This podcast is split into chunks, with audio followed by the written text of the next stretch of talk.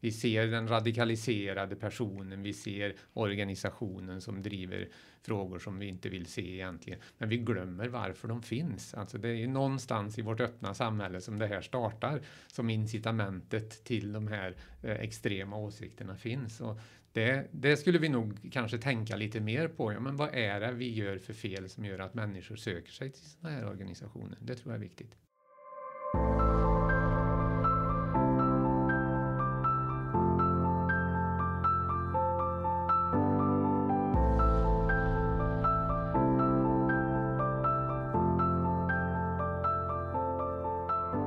Hej och välkommen till Agera-podden.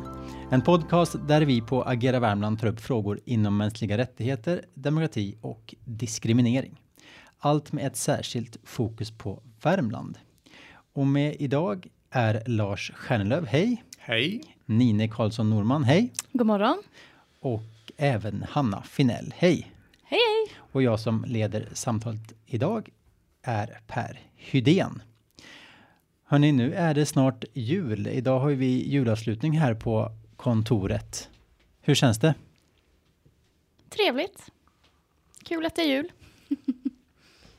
Jag har tungan permanent bränd på glögg och handen permanent skadad av att skrapa vindrutor. Det är precis som det ska vara. Och jag har alltid lika svårt att hänga med att det faktiskt redan är jul. Det är så varje år tror jag.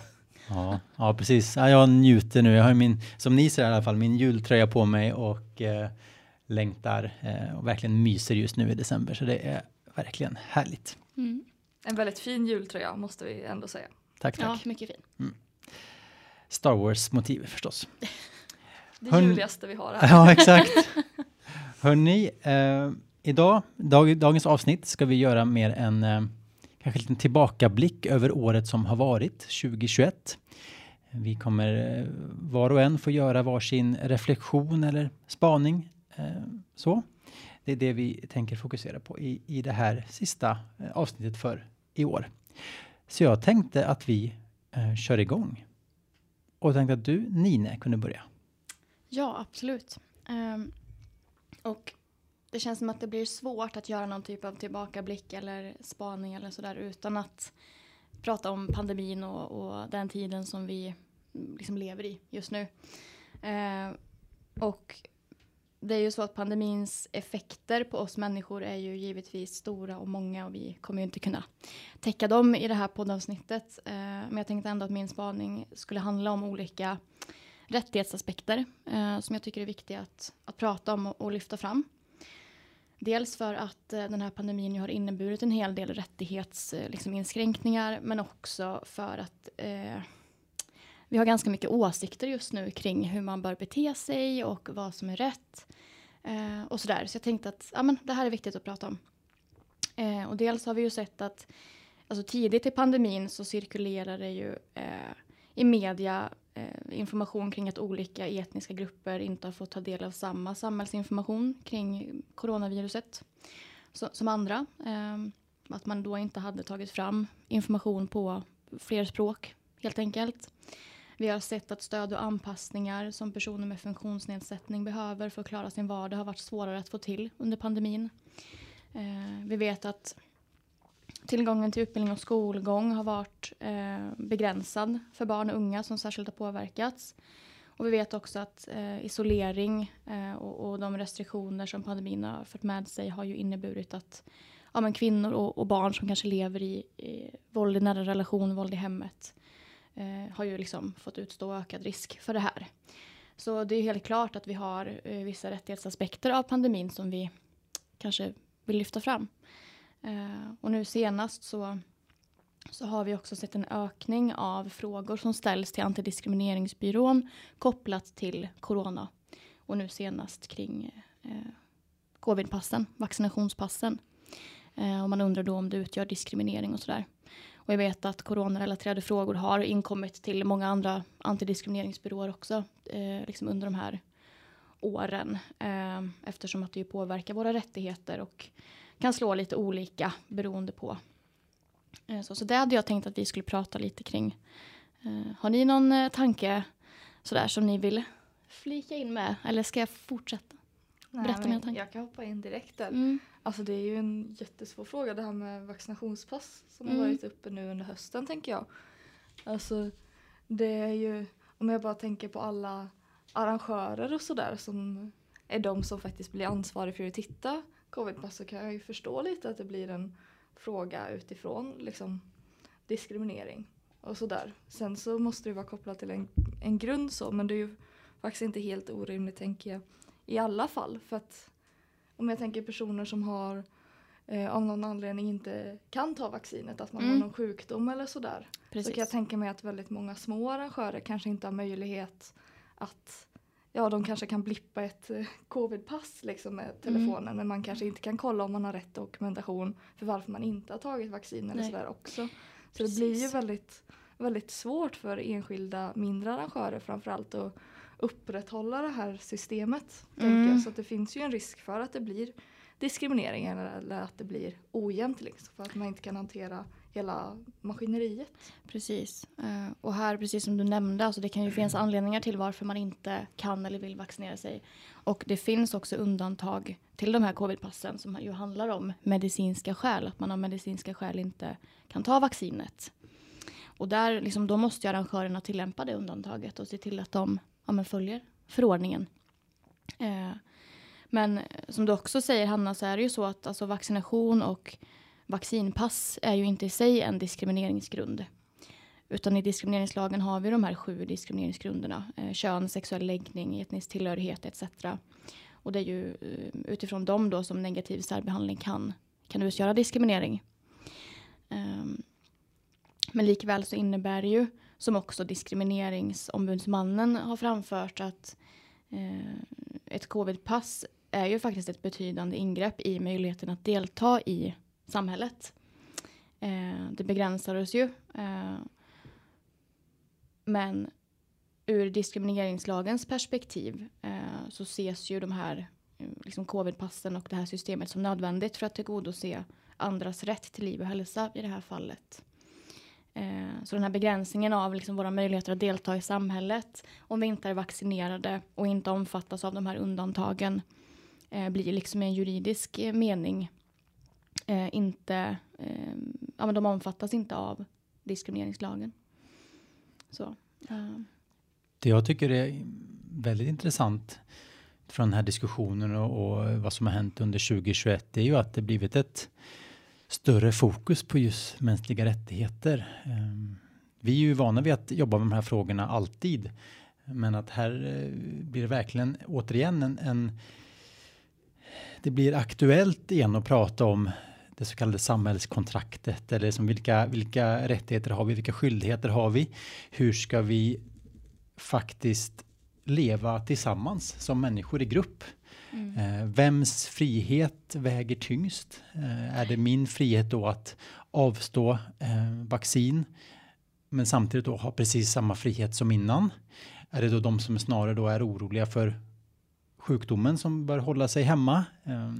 Mm. det här, jag, menar, jag har inga svar just nu, men jag tycker bara utifrån vad, det, vad du säger Ninne här och hur 2021 har sett ut så är det intressant vilka diskussioner eh, som har faktiskt kommit upp till ytan. Och jag tror att vi i Sverige, har, har vi det bra så behöver vi ju ofta inte tänka så mycket på mänskliga rättigheter, vilket såklart är, är eh, ett privilegium. Men eh, nu kommer det här upp till ytan igen och ganska viktiga eh, grundläggande principiella frågor om hur vi människor lever tillsammans och Mm. vad som ska få väga tyngst. Och det tycker jag är eh, fascinerande och det som jag hoppas väl det är väl att vi kan hålla en, en saklig diskussion för då finns det ju många eh, liksom vettiga argument på båda sidor så att säga men det är ju Mm. risken är ju när man kommer in på konspirationsteorier och där det blir väldigt svårt att föra en saklig och konstruktiv diskussion. Det är ju en fara. Mm. Men verkligen. Men jag tycker också att det är, det är viktiga perspektiv att, att lyfta. Um, det här som du säger med samhällskontraktet och hur vi ska leva tillsammans. Uh, hur vi ska liksom samexistera allihopa i den här situationen. Som innebär olika saker för olika människor just nu. Uh, men det är också därför jag tycker att det är Ja, men det är både intressant och viktigt att lyfta det här med just rättigheter och, och det systemet vi har för rättigheter. Och att I det här fallet så, så handlar det ju verkligen om att vi har, vi har två vågskålar. Eh, där vi har de här grundläggande rättigheterna å ena sidan men också eh, liksom allas och andras gemensamma rättigheter till, till liv och hälsa i den andra vågskålen. Och eh, den eh, liksom, avvägningen kommer inte att vara enkel i, i alla sit olika situationer som kan uppstå.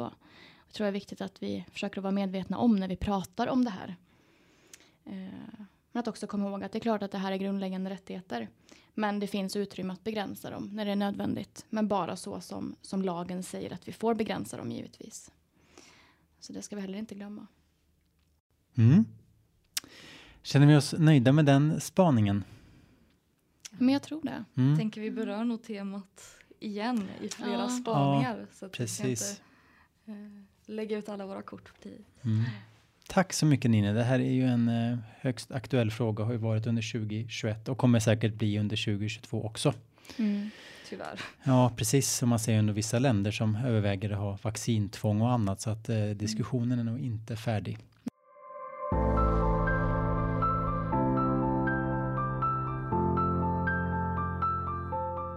Då kör vi vidare med nästa eh, spaning. Eh, Lars, varsågod.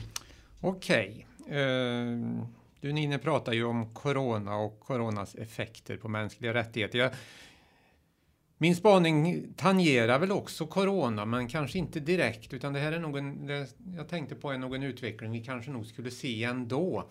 Uh, vi gör ju varje år en sammanställning som vi kallar Hot mot demokratin i Värmland, där vi tittar på hur de extrema organisationerna och deras aktiviteter under året.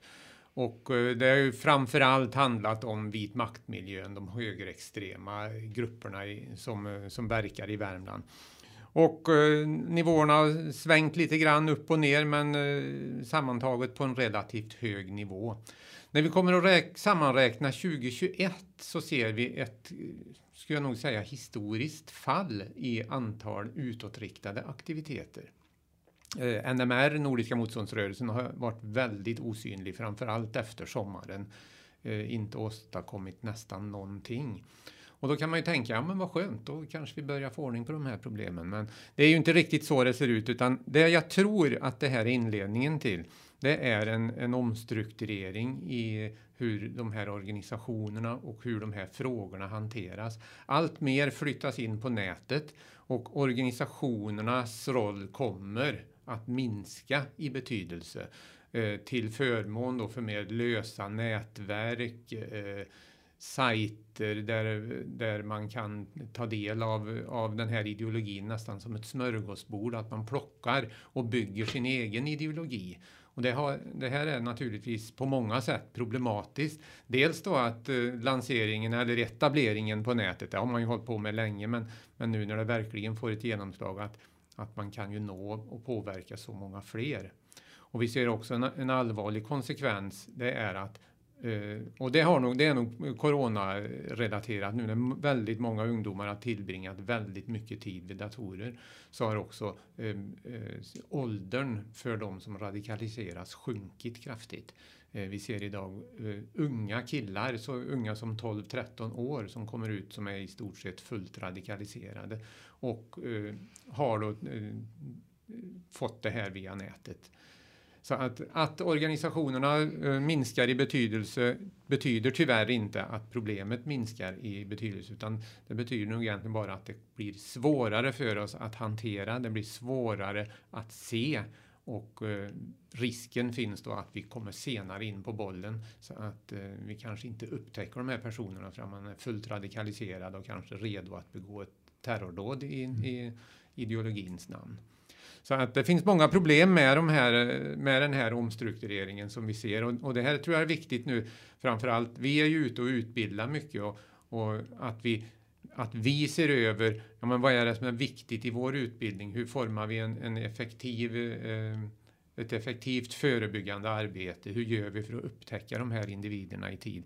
Vi hade ju bara för några år sedan en, en, eh, en högerextrem eller vit maktmiljö som höll på att bli medelålders i stort sett. Och bara på, på över ett par år här så har, har åldern sjunkit kraftigt.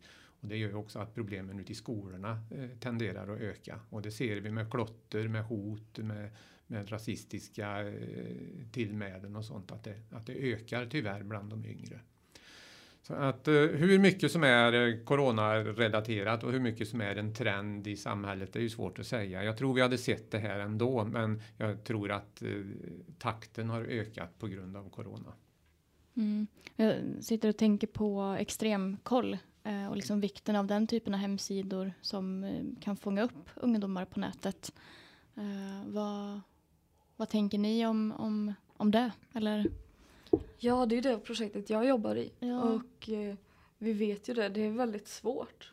Alltså, det är väldigt svårt att driva någonting eh, som ska motverka den mängden eh, propaganda och sånt som finns. Det är lite det som är målet med det här. Och att det ska finnas eh, korrekt information ute på ett sätt som är mottagligt för ungdomar också. Att det liksom inte bara är akademiska texter som förklarar vad som är fel med våldsbejakande extremism eller som diskuterar de här frågorna. Liksom. Vi vill ta det att det kan vara någonting som ungdomar också kan ta till sig. Just Så. det.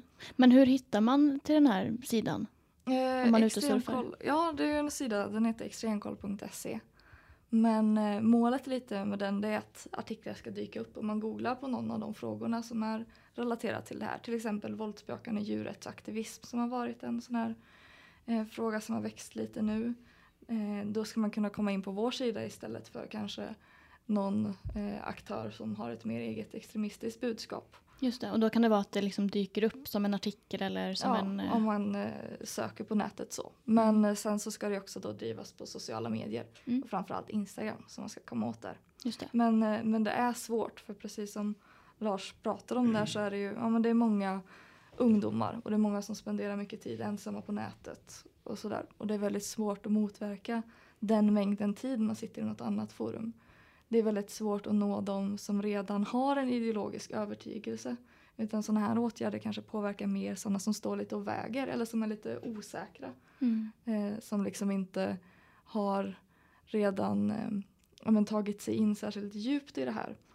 Och det är någonting som är väldigt viktigt vad vi ser för att komma åt ungdomar och hjälpa och sådär.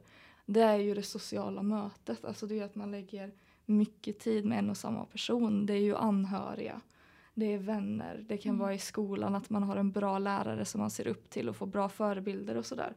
Och det är ju väldigt svårt att hantera det via nätet så även om problemet går mer och mer in på nätet och vi kan försöka motverka det där så måste liksom lösningen också finnas i eh, det sociala livet, i liksom det samhället som vi gör med varandra. För att det är liksom det är det som utgör den största skyddsfaktorn. Så. Att man eh, har god kontakt med föräldrar och att man har vänner som inte delar den här ideologin och sådär. Så att man inte bara fastnar i de här sidorna och läser sida efter sida med eh, väldigt extrema budskap. Så. Ja, just det. Ja, jag funderade också på det, de olika personerna runt en individ som kanske befinner sig i riskzonen att radikaliseras. Kan det betyda då att när, när det flyttar in mer på nätet och det blir de här extremistiska organisationerna minskar i relevans, att det blir en förändring hur eh, vi då, eller de personerna som finns runt den här individen faktiskt behöver arbeta eller vilka verktyg man kan ta till för att upptäcka och, och hjälpa kring, kring, kring de här eh, bitarna. Vad Ja, det kommer ju också förändras för det blir ju mer osynligt så att man behöver ha mer diskussioner om hur man, vad man gör på nätet, hur man tilltalar varann, hur man tilltalar varann i, i verkliga livet också naturligtvis. Eh, och att man, man får gå in helt enkelt på mycket tidigare förebyggande insatser tror jag för att eh, signalerna är svåra att se. Utan det här sociala som ni var inne på här, alltså hur, hur gör vi i det sociala mötet? Hur är vi med mot eh, varann? Eh, Tilltalet, tilliten till våra medmänniskor och också att vi, kanske vi som jobbar och alla som jobbar med ungdomar, att man verkligen gör, gör sig mån om att ha en relation och se de här små, lite sublima förändringarna som kommer så att man i tid kan gå in med en öppen fråga och säga liksom, jag ser att det, är det något som är jobbigt kan jag, kan, kan jag göra någonting? Att man, att man visar sig tillgänglig för de som finns i riskzonen, det tror jag är väldigt, väldigt viktigt. Det är också viktigt att man inte glömmer bort den här frågan nu för en del av det förebyggande arbetet och sådär det finns ju många problem vi har i samhället. Ofta är det lite så att man riktar fokus mot den frågan som är stor som har blivit nyhetsartiklar kring och sådär.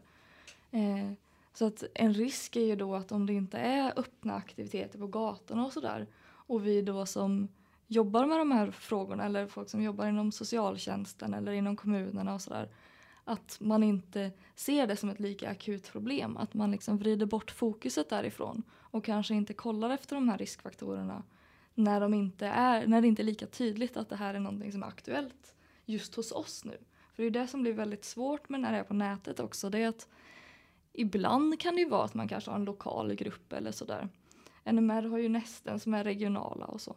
Men mycket på nätet då kan det vara en sida som är internationell och det kan vara någon som sitter i Filipstad som pratar med någon som sitter i Christchurch i Nya Zeeland. Och vi vet inte riktigt vem som sitter var eller så om man inte har lite mer invasiva åtgärder och kolla liksom IP-adresser och sådär. Så att eh, man, man vet ju kanske inte riktigt hur problemet ser ut lokalt just hos sig. Och det kan också innebära en svårighet. Det tror jag det arbete som vi gör på Agera tillsammans med alla kommuner i länet är väldigt viktigt. Vi har ju etablerade samarbeten och återkommande utbildningar, återkommande kontakter kring de här frågorna så att då hålls ju frågan lite levande ute i kommunerna och det tror jag är väldigt, väldigt viktigt. Och man vet också eh, nu på en skola till exempel. Men om vart vänder jag mig om, det, om jag ser den här problematiken? Då kan man i tidigt skede få kontakt med oss och, och att vi tillsammans då kan titta på hur man, hur man hanterar det här. Så att, det tror jag är ett väldigt viktigt sätt eh, att hålla det här på en, på en vettig nivå. Ja, men verkligen. Och något som jag också tänkte på nu, det, det är ju att även om vi då om mycket av problematiken flyttar in på nätet och att det medför nya utmaningar så är det väl också så att vi inte heller får gå för långt och tänka att det är en helt ny mm, problematik kring varför individer rör sig till, till våldsbejakande miljöer, utan det fort, kan fortfarande handla om eh, exempelvis utanförskap eller att man, man eh, vill hitta en form av, av sammanhang eller gemenskap, eh, kritik mot eh, samhällsstyrning och så vidare och så vidare. Att de drivkraften drivkrafterna att, in, att gå in i en sån här typ av miljö måste fortfarande vara de samma tänker jag, men att, att det tas nya former så att man inte tänker att det här är en helt, helt eh, nytt. Nej, det är ju alldeles riktigt och det är ju väldigt viktigt som du säger det och det glömmer vi nog kanske lite för ofta. Vi tittar på problemet. Vi ser den radikaliserade personen, vi ser organisationen som driver frågor som vi inte vill se egentligen. Men vi glömmer varför de finns. Alltså det är ju någonstans i vårt öppna samhälle som det här startar, som incitamentet till de här eh, extrema åsikterna finns. Och det, det, skulle vi nog kanske tänka lite mer på. Ja, men vad är det vi gör för fel som gör att människor söker sig till sådana här organisationer? Det tror jag är viktigt. Absolut. Hörrni, vi hoppar vidare. Tack Lars.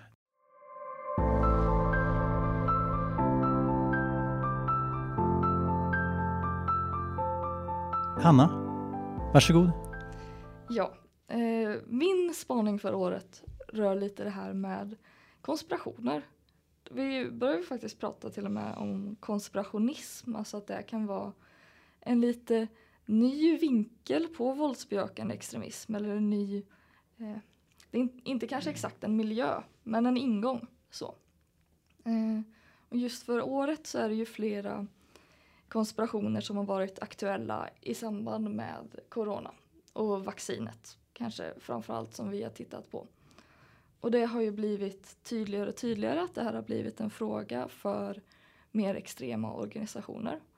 kan se i deras bilder de delar med varandra och hur de skriver och så här att eh, man inte tror på vaccinen. Eh, att man ser det som någonting som är, är skadligt, att viruset i själva verket inte alls är så farligt. Eh, att det här är ett sätt restriktioner ett sätt att försöka kontrollera befolkningen och underkuva oss och sådär. Då blir det mer och mer eh, vaccinkritiskt i de här. Det blir mer och mer sånt material. Men det är också en fråga som engagerar en stor del av svenska befolkningen. Och väldigt många som inte har eh, delar åsikter med vit maktrörelsen, som är det som jag har pratat om just nu, eh, kan ju också vara kritiska till vaccinet. Eh, och många ser det som att det inte kanske finns så mycket utrymme i samhällsdebatten för att vara kritiska. och det gör att det har öppnat lite utrymme för mer extrema aktörer att liksom äga den frågan. Att äga kritiken mot vaccinet och sådär. Vilket innebär lite problem. Så I de här coronademonstrationerna som vi har haft där folk har protesterat mot eh, Eh, de inte kanske jätteinvasiva åtgärderna vi ändå har haft i Sverige om man jämfört med andra länder. Så har det ju blandats folk, eh, vanliga människor som är oroliga eller rädda för vaccinet. Eller som tycker att de eh, ja, men har blivit illa behandlade på något sätt. Man kan ha blivit av med sitt jobb och sådär. Eh, som är en väldigt rimlig samhällskritik och en befogad oro. Jag kan förstå att folk tycker att det är svårt när man förlorar sin inkomst. Liksom. Eh, men det blandas med personer som eh, menar att vaccinet är en judisk konspiration. Eh, att det ska styra eller försvaga den vita rasen och sådär. Och att alla de här personerna sammanblandas och utbyter åsikter. Eh, det är lite obehagligt, en riskområde. Så. För det finns ju liksom å andra sidan också, det finns en väldigt stort förakt mot staten, mot myndigheter, mot samhället i allmänhet så. Som det finns en risk att det växer i de här miljöerna. Där man, man misstror liksom eh, Folkhälsomyndigheten varför de säger att vi ska göra si eller så.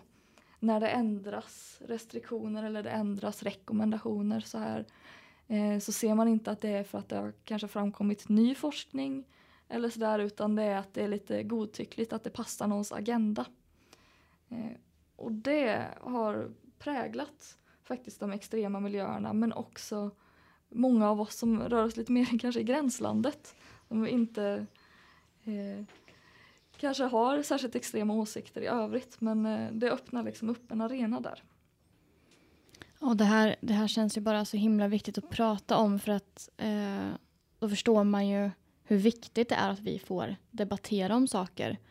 Att vi får diskutera saker och att liksom, annars finns det den här risken för att konspirationsteorier och annat frodas och att någon annan äger scenen, precis som du säger Hanna. Eh, och det känns ju också som att i och med eh, liksom pandemin och, och allt det här kring vaccin och hur vi bäst skyddar oss allt det här. Det känns ju som att aldrig tidigare har gemene man kommit i liksom, sån närkontakt med konspirationsteorier och missinformation eventuellt och, och de här ämnena som nu. Skulle du hålla med?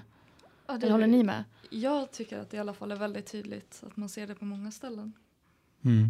Nej, jag tycker att det här, alltså jag tycker att um, alla era tre reflektioner håller en ganska röd tråd Eh, och eh, hör ihop på det här sättet att vi har verkligen utmaningar eh, alltså något som har präglat 2021 men som vi kommer ha med oss in i 2022 kopplat till coronapandemin och de inskränkningar i, i rättigheter som faktiskt nu ändå görs då med tanke på allas hälsa. Men uh, något som jag funderar mycket på. Jo, men att just att att du nämnde också Nina att, att nu kanske det är viktigare än någonsin att vi också fortsätter hålla ett öppet samhälle, en öppen samhällsdebatt, att ändå olika åsikter får komma till tals.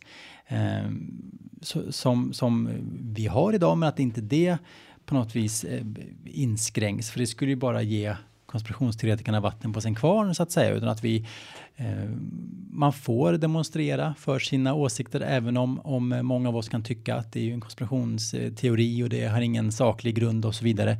Att vi är fortsättningsvis eh, slår vakt om vår yttrandefrihet och demonstrationsfrihet. Jag tror det är jätteviktigt eh, så att vi inte heller eh, för att menar vår yttrandefrihet och åsiktsfrihet, alltså det skyddar ju även man säger, de åsikterna som, som kanske majoriteten inte håller med om.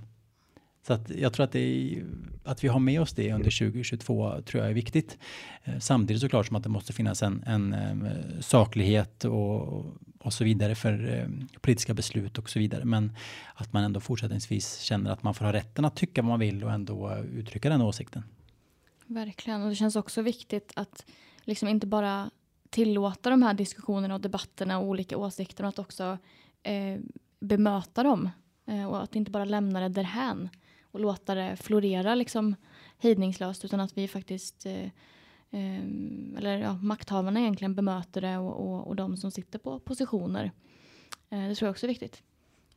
Tolerans och bemötande är ju en jätteviktig grej i den här frågan. Alltså, både det som Lars redan pratat om, så hur vi bemöter varandra, hur vi uttrycker oss och sådär. Men också att vi faktiskt Eh, är okej att prata med folk som har olika åsikter än oss själva. Nu kanske det har kommit lite närmare många av oss att eh, det har blivit tydligare att vi kanske har någon släkting som inte delar åsikt med oss om vaccinationer eller sådär. Eh, eller vaccinpass eller någon sån fråga. Eh, och att man inte bara förskjuter folk från vår gemenskap för att man inte delar åsikter eller för att man visar osäkerhet kring vissa frågor och sådär. För det finns väldigt, väldigt mycket information som kan vara väldigt missledande.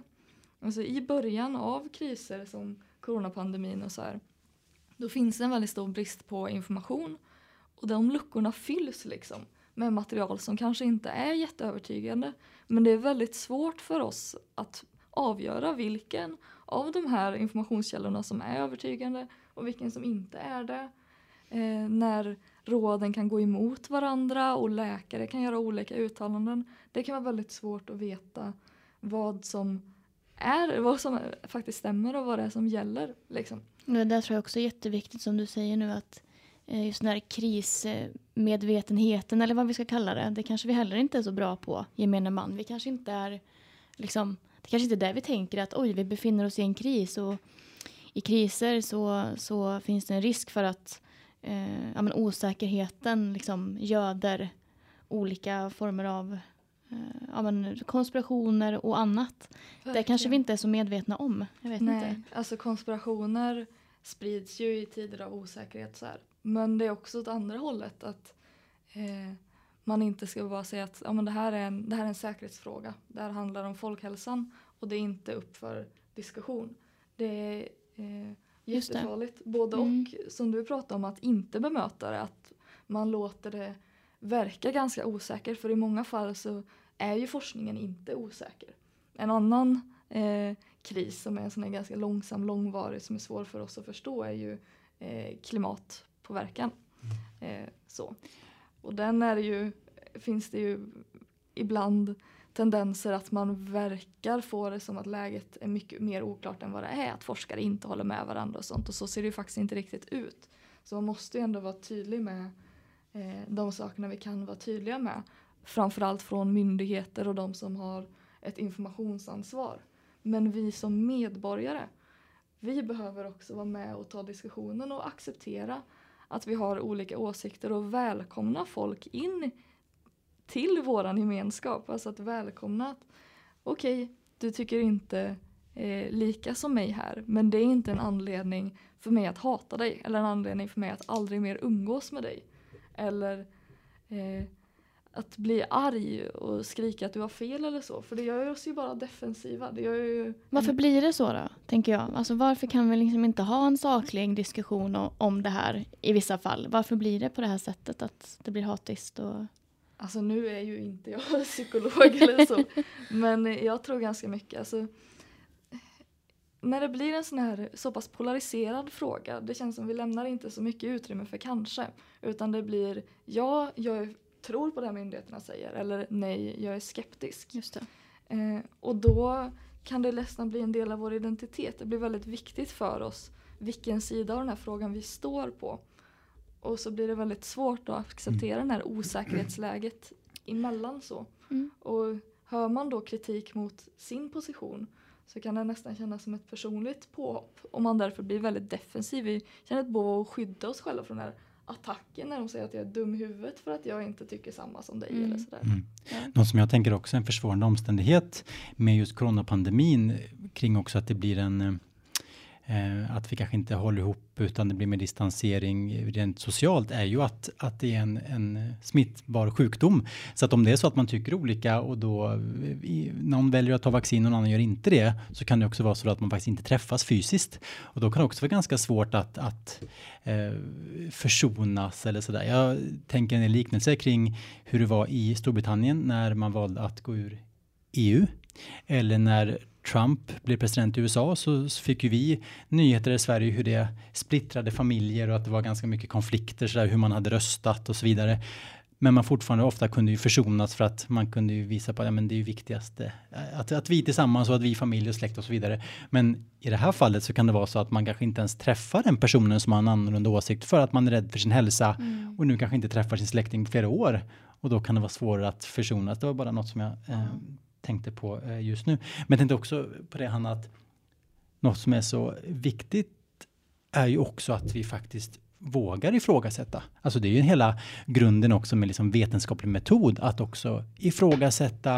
Eh, stämmer det här verkligen? Så att det är klart att det finns något positivt i också att, att det finns skeptiker och att man ifrågasätter resultat och så vidare. Men problemet blir väl när det går till en nivå att det inte knappt går att diskutera sakligt längre utan att alla typer av konventionella medier eller eh, vetenskapliga tidskrifter har då fel, om man nu har den åsikten att ja, men de, de är korrupta bara, då kommer man till nivå att det är väldigt, väldigt svårt att, att diskutera sakligt och då kanske man kommer till en punkt att man Alltså det ger, ger ingenting att diskutera. Men vi borde ju verkligen som ni säger att eh, den här diskussionen kring en genuin oro och ifrågasättande av vetenskaplig metod och, och där också många kanske läkare är väldigt ärliga med att visa på att jo, men det finns ju en del biverkningar, men de är väldigt eh, ovanliga och, och, så vidare och så vidare. Eh, att den diskussionen är ju jätteviktigt att den finns kvar. Mm. Mm, verkligen och att, och att vi klarar av att skilja på att ja, men det kan finnas eh, viss befogad rädsla. Liksom, vi är i en kris. Det är klart att människor kan vara rädda. Eh, och att eh, som du säger Per, att eh, liksom, det är rimligt att ifrågasätta saker och ting. Det är en del av samhället, yttrandefriheten och så vidare. Och skilja det ifrån liksom, konspirationsteorier och annat som, som inte hör till. Eh, liksom så att vi försöker hålla det sakligt. Men det kanske är lättare sagt än gjort många gånger. Ja, det är svårt precis. att vara saklig för statistik och sånt det är så opersonligt. Mm. Alltså att höra att mm. det är miljontals personer som har vaccinerat sig som inte har några biverkningar annat än att man får lite ont i armen och det är ju liksom normalt om man fått en spruta. Eh, men att höra en berättelse om en person som alltså ett barn som har fått eh, någon inflammation eller sådär, det reagerar vi mycket starkare på för siffror liksom. Det säger inte någonting känslomässigt till oss som, mm. på samma sätt som en berättelse gör. Så det är väldigt svårt att eh, påverka känslor med fakta så. Mm. mm. Ja, tack så mycket Hanna för, den, eh, för din reflektion. Och nu har det börjat snöa helt fantastiskt här utanför fönstret. Det är riktig, riktig julstämning när vi går in på den sista reflektionen för idag och det är min spaning. Och jag tänkte göra en internationell utblick. För även om vi på Agera fokuserar på Värmland är vi ju såklart en del av ett större sammanhang, särskilt kanske inom våra områden kring mänskliga rättigheter och våldsbejakande extremism. Och när jag funderade kring vad min reflektion för, från 2021 skulle vara och just kring eh, hur det ser ut i världen så såg det ganska dystert ut. Det känns som det är ganska oroligt just nu runt om i världen. Några exempel. Så, såklart coronapandemin som fortsätter att begränsa oss. Det spekuleras ganska vilt just nu huruvida Ryssland kommer gå in militärt i Ukraina, eh, något de förstås redan har gjort med Krim. Motsättningar i, i USA, även om då nu vi senaste året har, har eh, blivit förskonade av de här dagliga Trump-fadäserna så är det ganska tydligt att det, det fortsättningsvis är politiskt ganska stora motsättningar i, i USA.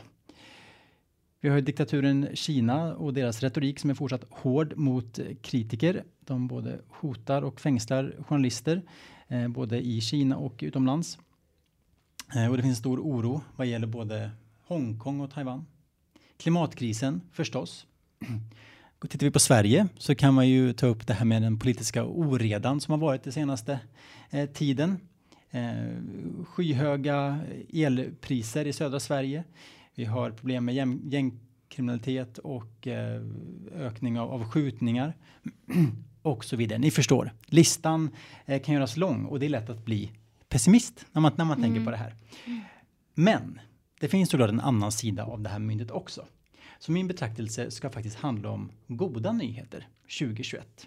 Ja, härligt. Och då tänkte jag först bara slänga ut till er. Kan ni komma på några riktigt goda nyheter från 2021? Ordet är fritt. Ja, eh, god jul på dig också Per. Det var en trevlig lista att lyssna på.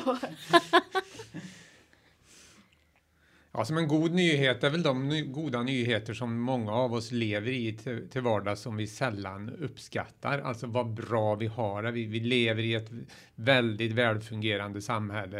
Eh, det har ju fokuserats mycket på skjutningar och sånt där, men tittar vi på den totala statistiken så har ju antalet eh, grova våldsbrott totalt sett gått ner om man tittar sedan 90-talet och, och, fram tills idag. Men eh, det är ju svårt att tro när man bara läser tidningarna. Så det finns en hel del, alltså vi har det otroligt bra i vårt land och, och jag tycker kanske lite sällan att vi uppskattar det. Så att, eh, en god nyhet är för alla som inte har upptäckt det, vi har det ganska bra. Jag tänker också spontant på att vi har ju fått vår eh, första kvinnliga statsminister rolig nyhet, tänker jag. Ja, jättetrevlig. Jag tänker på såna här lite uppdateringar jag får ibland. Eh, jag försöker se till att följa några sådana här som delar ut lite goda nyheter ibland för att motväga lite att, det, att saker är bra inte har ett så högt nyhetsvärde. Så jag får ibland lite notiser om att utrotningshotade arter håller på att återhämta sig på vissa platser att eh, positiva lagändringar görs till exempel kring eh, allas rätt att älska den de vill. Eh, lite sådana grejer. Ja men precis, ja tack. Eh, och nu är jag helt eh, inne på liksom rätt spår. För jag tog till Google då för att kika lite på goda nyheter eh, 2021 och det kommer ju massa eh, exempel. Det finns ju flera nyhetssajter som enkom är fokuserade på just positiva nyheter. Så bara ett axplock av, av eh, lite grann som har hänt under 2021 det går ju såklart inte att eh, inte nämna eh, vaccin mot covid-19. Det är ju en eh, fantastiskt vetenskapligt genombrott som jag tycker också vi faktiskt eh, uppskattar eh, för lite egentligen. Alltså tänk om vi inte hade haft något vaccin eller om de vacciner som tagits fram faktiskt inte fungerat. Vilken annan vardag vi hade haft eh, just nu. Mm. Så det är ju helt fantastiskt. Och även att det går så långt med, med arbetet kring såna här antivirala läkemedel mot covid-19 som också säkert kommer påverka pandemin jättemycket positivt får vi hoppas. Andra nyheter, kampen mot malaria går väldigt snabbt framåt, både med, med nya vaccin och eh, drönare som sprider myggmedel och nya sorters fällor som man ser kan hoppas kunna minska eh, den här sjukdomen med upp till 90 procent, framförallt då i, i Afrika söder om Sahara. Det är helt fantastiska nyheter som, som i alla fall inte hade nått mig innan jag gjorde en, en aktiv googling. Tittar vi på klimatfrågan så ser vi att allt fler länder eh, fasar ut kolkraft. Eh, och även om inte det här senaste klimatmötet kanske levererade som vi hade hoppats på så är det många enskilda länder som, som tar stort ansvar. Eh, ett exempel är Grönland som stoppar all utvinning av olja och gas på sina områden. Så att den eh, eh så all framtida eh, prospektering av olja och naturgas stoppas.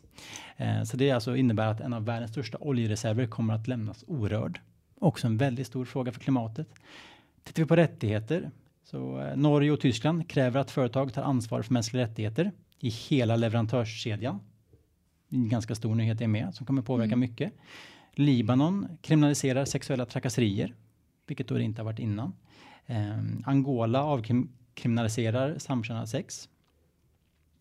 Eh, och tittar vi på Sverige så har vi ju, som jag nämnde då, man kan ju se det som en politisk oreda, men man kan också se det som att vi har en väldigt levande och fungerande demokrati. Mm. Alltså just att eh, vi har ett väldigt aktivt eh, demokratiskt samtal. Vi har politiska partier som gör allt för att få sina frågor igenom som det ska fungera, även om vi då invånare och medborgare kan tycka att det är mycket politiskt käbbel, det är det är mycket kompromissande så är det ju faktiskt så vårt demokratiska system ska fungera och nu när opinionsläget ser ut som det gör. Så att på det sättet så, så kan man också välja att se det positivt att, att systemet funkar som, som det ska. Så Ja, en annan nyhet var ju också att Ikea ska fasa ut all sin plast i sina förpackningar ja, och så vidare och så vidare. Jag tänker inte behöva dra mer exempel, men ni, ni förstår, det går att hitta väldigt mycket eh, bra inom områden som hälsa, klimat, rättigheter och så vidare. Och min poäng är ju inte att förringa allvarliga och oroande nyheter på något sätt. Eh, det är ju såklart jätteviktigt att det, eh, våra nyhetsmedier tar upp de bitarna och vi är ju som människor på något vis programmerade också att kanske lägga större vikt vid risker och negativitet än då det positiva i, i våran överlevnadsinstinkt. Men min poäng här är att också se det som faktiskt går framåt inom vetenskap, hälsa, mänskliga, mänskliga rättigheter, klimat och mycket mer. Och att vi har faktiskt ett starkt hopp och mycket positivitet som vi, skulle, som vi går in med i 2022. Vilket jag tycker passar bra ihop med jultiden vi är i just nu. Eller vad säger Verkligen. Håller med. Bra spaning. Ja, vilken fin vinkling du hade på saker. Det gjorde en lycklig. Ja, men verkligen. Och eh, innan vi nu går mot ett avslut kring det här avsnittet vill jag också lyfta fram allt vi på Agera Värmland gjort under 2021. Såklart. Så trots pandemin har vi utfört en rad utbildningar inom våldsbejakande extremism, mänskliga rättigheter, diskriminering, yttrandefrihet, förebygga sexuella trakasserier, bara för att nämna några ämnen. Vi har ju träffat offentlig sektor, näringslivet och civilsamhället i många olika samarbeten. Och vi får ju såklart inte heller glömma hur många enskilda individer vi har gett råd eh, och stöd i, både vad gäller upplevd diskriminering, men också individer eller anhöriga inom våldsbejakande extremism. Ehm, så vi har jobbat aktivt för ett Värmland för alla. Och det är något som vi ska vara eh, stolta över och som vi också såklart tar med in i 2022. Där mänskliga rättigheter och demokratins idéer blir vägledande inom alla samhällets områden. Hörni, vi hoppas innerligt att vi kommer få fortsätta träffas fysiskt under 2022 och att eh, pandemin förlorar i kraft. Eh, vi kommer i alla fall, i vilket fall som helst, fortsätta oförtrutet vårt arbete. Och som en liten avslutning här nu i jultid så har vi faktiskt ett julrim signerat Lars, Lars Stjärnelöv. Om man ägnar julen åt våldsbejakande ismer finns det risk för julrelaterade schismer. För det är säkert så att människor lider om du extremistiska budskap bland dem sprider. Bättre då att klä i luva, päls och yvigt skägg och inte skriva hat och hot på en vägg, utan bara vänligt le och låta glädjen spira så att alla i din närhet nu kan julen fira. Det är helt God jul! fantastiskt. Mycket bra Lars. Ja, det är otroligt. Vilken stämning det blev här inne. verkligen. Och snön singlar ner lite fint utanför fönstret. Ja, och vi ska ta lite julfika. Hörni, vi önskar er lyssnare en, en eh, fantastisk juletid och att ta hand om varandra. God jul och hej då!